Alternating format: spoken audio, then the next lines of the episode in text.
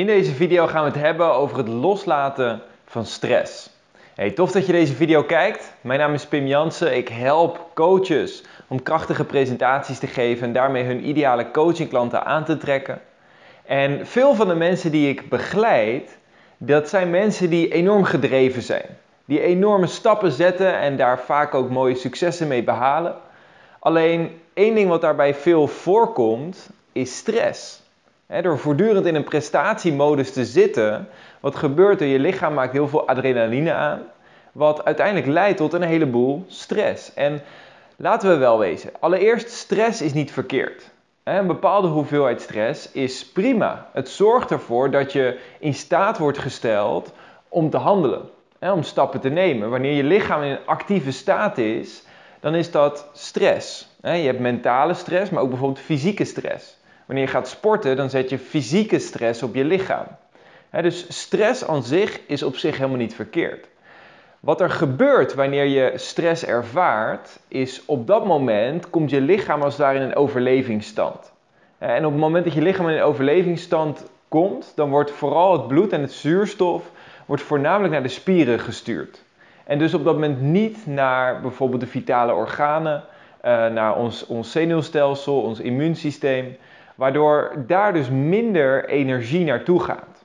Wat betekent dat je op korte termijn, omdat het, de energie voornamelijk naar de spieren gaat, dat je meer kan handelen. Hè, dat je in staat bent om stappen te zetten, dingen te doen.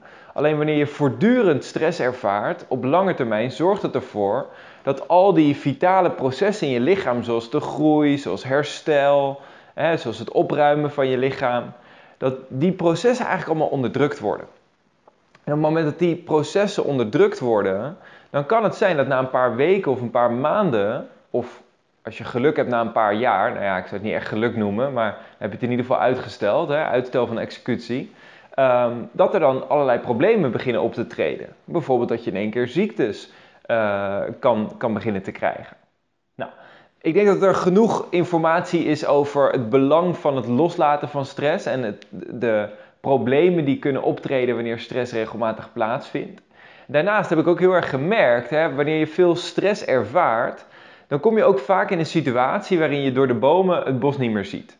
als, je, als je bijvoorbeeld als ondernemer, als je als coach constant van hot naar her gaat en constant maar aan het uitvoeren bent, dat je dan soms een beetje dat overzicht kan missen dus stress doet ook iets met je mentaal. Het zorgt ervoor dat je constant in die modus komt waar je gaat, gaat, gaat. En het mooie daarvan is als je dat beseft, dat je dan dus ook realiseert van hé, hey, ik heb het gevoel dat ik moet gaan, gaan, gaan. Ik heb het gevoel dat ik constant moet doorgaan. Maar als ik juist die stress loslaat en ik kan eens een keer dat overzicht krijgen. En ik kan gewoon eens zien wat er nou allemaal gebeurt. En wat er allemaal dient te gebeuren dat ik dan ook betere beslissingen kan maken. Want ik ben ervan overtuigd, hè, ons werk als ondernemer. Kijk, heel vaak nemen we als ondernemer, zeker als je de eerste paar jaar als ondernemer, laten we zeggen de eerste vijf jaar, als je daarvoor een baan hebt gehad, dan zijn we vaak geneigd als ondernemer om de werknemersmindset mee te nemen. En wat is de werknemersmindset? Nou, ik krijg per uur betaald. dus als ik 40 uur per week werk en ik verdien 2000 euro, ja, als ik dan 80 uur per week werk, dan verdien ik 4000 euro. En dan verdien ik het dubbele, want ja, dat is gewoon dat is wat mijn uren waard zijn. Dus als we als ondernemer die mindset meenemen, dan krijgen we op een gegeven moment dus ook het gevoel van hé, hey, maar hoe harder ik werk, hoe meer ik doe, hoe meer ik verdien. Nou, dat is een recept om op een gegeven moment gestrest te raken. Want als het even niet goed gaat met je bedrijf, wat ga je doen? Harder werken, meer uren draaien. En dat is een, een, een switch die niet klopt.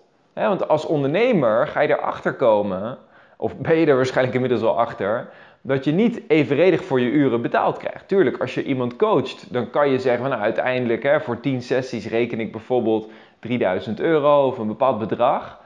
Nou, dat betekent dat ik per uur dan bijvoorbeeld 300 euro uh, zou rekenen. Als je dat, eh, dat is slechts een voorbeeld. Misschien dat je veel meer of veel minder dan dat vraagt. Um, Waar het om gaat, is dat je, hè, dat kan je nog wel terugrekenen, maar het aantal marketinguren, de administratie die je doet en dergelijke, ja, hoe kun je dat bepalen? Hè? En daar kun je niet een gemiddelde op trekken. Dus waar je op een gegeven moment achter komt als ondernemer, is dat je één week 40 uur werkt en niks verdient. En dat je de week daarna misschien drie uur werkt. En dat je in die drie uur één ding doet, wat je drie nieuwe klanten oplevert. Waardoor je misschien wel 6.000, 7.000 euro verdient in die week. En dat, nogmaals, dat zijn slechts voorbeelden. Maar waar het om gaat, is dat je erachter komt: hé, hey, 1 uur kan soms gelijk staan aan 40 uur. Qua resultaat, wat het oplevert.